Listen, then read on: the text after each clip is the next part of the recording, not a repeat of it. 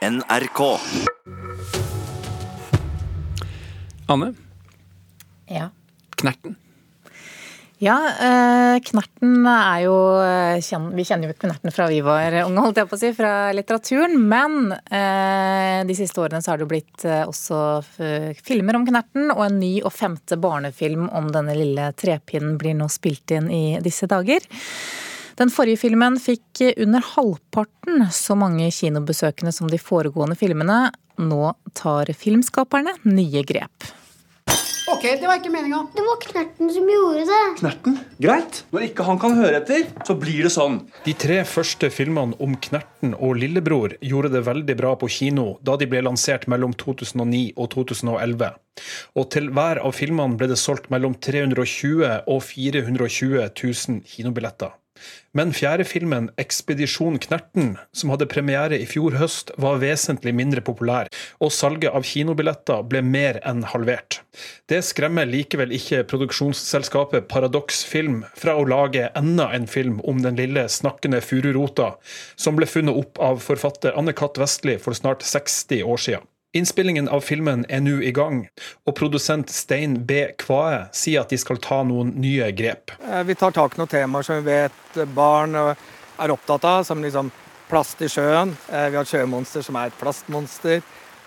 Dette å kunne lære seg å svømme tar vi også tak i, så vi bygger liksom noen historier, noen lag i historien utover det vanlige Knerten-stoffet. da. Kvae vil ikke tallfeste hvor mange kinobilletter de har som mål å selge. Nei, det gjør vi aldri. Altså, ambisjonen er jo, i hvert fall med Knerten-filmene, er å gjøre hver eneste film bedre enn den forrige. Altså Ta tak i alle de små detaljene med filmen og så prøve å løfte det fra forrige gang.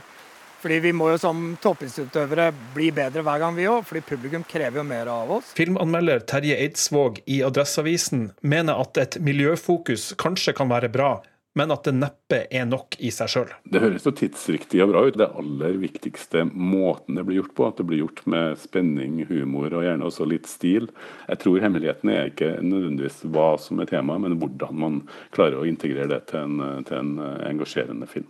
Tove Undheim gjør sin spillefilmdebut som regissør, og hun har som ambisjon at barn skal synes at filmen er relevant for dem. Jeg ønsker å gjøre den mye mer aktuell ikke sant, for barn i 2020.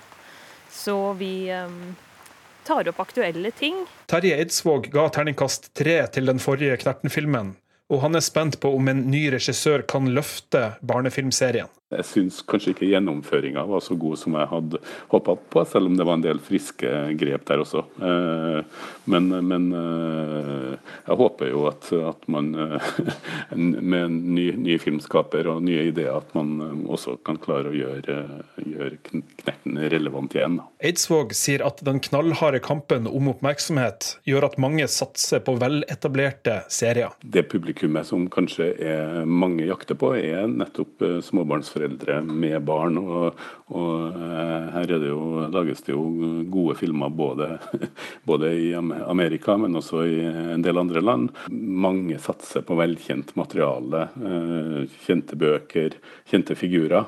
eh, Og at det er, har gjort det kanskje enda tøffere å, å hevde seg i den konkurransen om oppmerksomheten.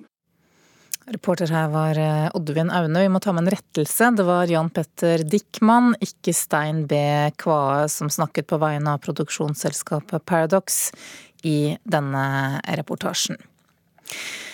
I Los Angeles i USA så er forberedelsene til TV-bransjens festkveld, nemlig Emmy-utdelingen, i full gang.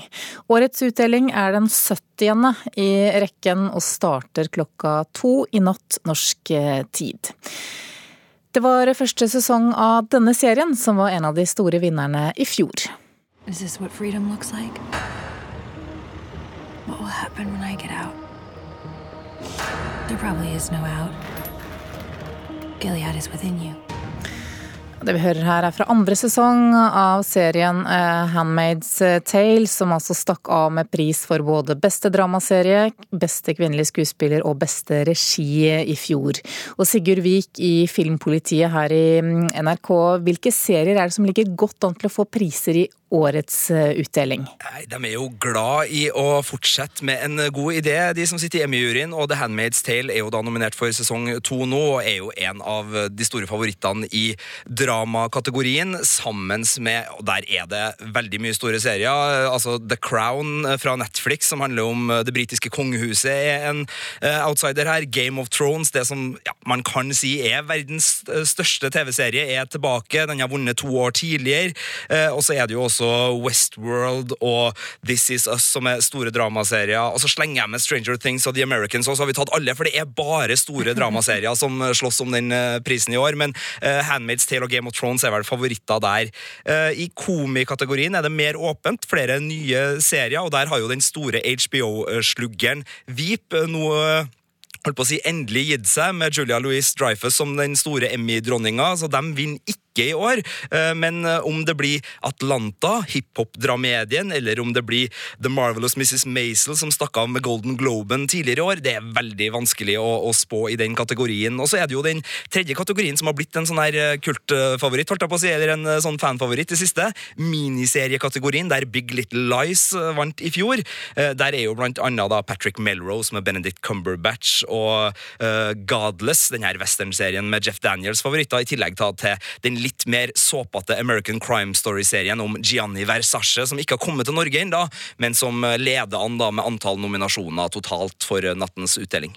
Du var innom det, men vi må snakke litt om denne serien her. Enemies to the east.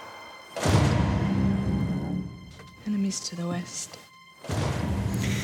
Ja, det er altså Game of Thrones. Du var innom det, Sigurd, men uh, denne filmen var altså ikke med i konkurransen i fjor. Hva kan den få til? da Den er altså nominert til, eller kan ta sju priser under utdelingen i natt. Nei, det er jo den, den, store, og Grunnen til at den ikke var med i fjor, var jo ikke fordi det var noe dårlig. Det var bare at det er sånn at du må ha premiere mellom øh, 1. juni og 30, 31. mai. holdt jeg på å si, så Det er et annet vindu her. og Game of Thrones i fjor kom på sommeren, så den kom liksom etter. Så den kunne ikke være med i fjor høst. Så det er den forrige sesongen som er med nå, da. Det er litt ulempe, for da er den ikke så fersk i minnene til juryen. Den har liksom, det er ikke akkurat Game of Thrones-feber nå.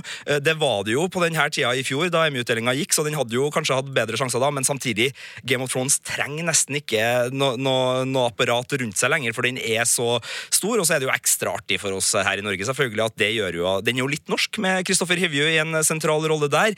Det er jo også Westworld som er med å kjempe her, med Ingrid Bolse Berdal i en kul rolle, så det er jo eh, veldig artig. og nå tør jeg å prøve meg på å si at jeg tror det er første gangen at to uh, dramaserier kjemper som begge har norske sentrale rolleaktører i, i, i seg. Uh, mulig, folk må arrestere meg hvis jeg tar feil der, men, men, det er jo litt ekstra artig da, å, å følge med Nattens utdeling sett med norske øyne.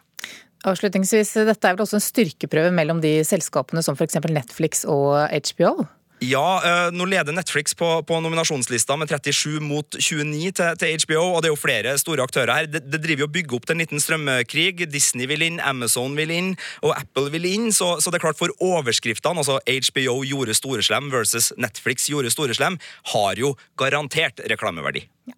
Og alle vinnerne de får du her i Nyhetsmorgen i morgen tidlig. Takk skal du ha, Sigurd Vik. EUs nye opphavsdirektiv, som skal sikre at de som produserer innhold, ikke skal bli utnyttet av nettgiganter, får uventede konsekvenser. Den kan nemlig hindre folk i å ta selfier på fotballkamper, Leila Ferratovic. Det kan den, fordi uh, direktivet sier jo at uh, de som produserer innholdet, de skal få betalt for det. Og det blir sånn at uh, nettgiganter som f.eks. Facebook, hvis de ikke har rettighetene fra en Champions League-kamp, kan jo også dine selfier som tilskuer på en Champions League-kamp bli blokkert. Dette er det Dagens Næringsliv som melder, og Piratpartiet i EU-parlamentet, det er de som har reagert på dette og mener at eh, dette her kan hindre for fankultur. Ja, hvordan da?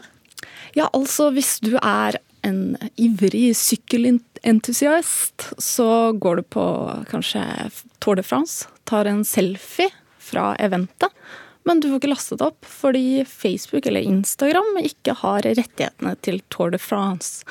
Og nå er jo veldig mye fankultur internettbasert, og da ser de på en måte, i hvert fall Piratpartiet ser, en, ser dette som en uheldig konsekvens av dette opphavsdirektivet. Kommer norske fotballtilhengere f.eks. til å bli påvirket av dette her? Altså, nå er det mye diskusjon om dette opphavsdirektivet og hvordan dette her kommer til å påvirke Norge. Så Norsk Fotballforbund sier jo at de følger veldig med på denne utviklingen av dette direktivet. Men så er det jo også sånn at det er jo ikke de som har så veldig mye å bestemme. Det er jo nettopp de som kjøper rettigheter til norsk fotball og norske idrettsarrangementer, som har mye å si for dette. Så du kan muligens bli hindret fra å ta en selfie på en fotballkamp. Takk skal du ha, kulturreporter Leila Feratovic.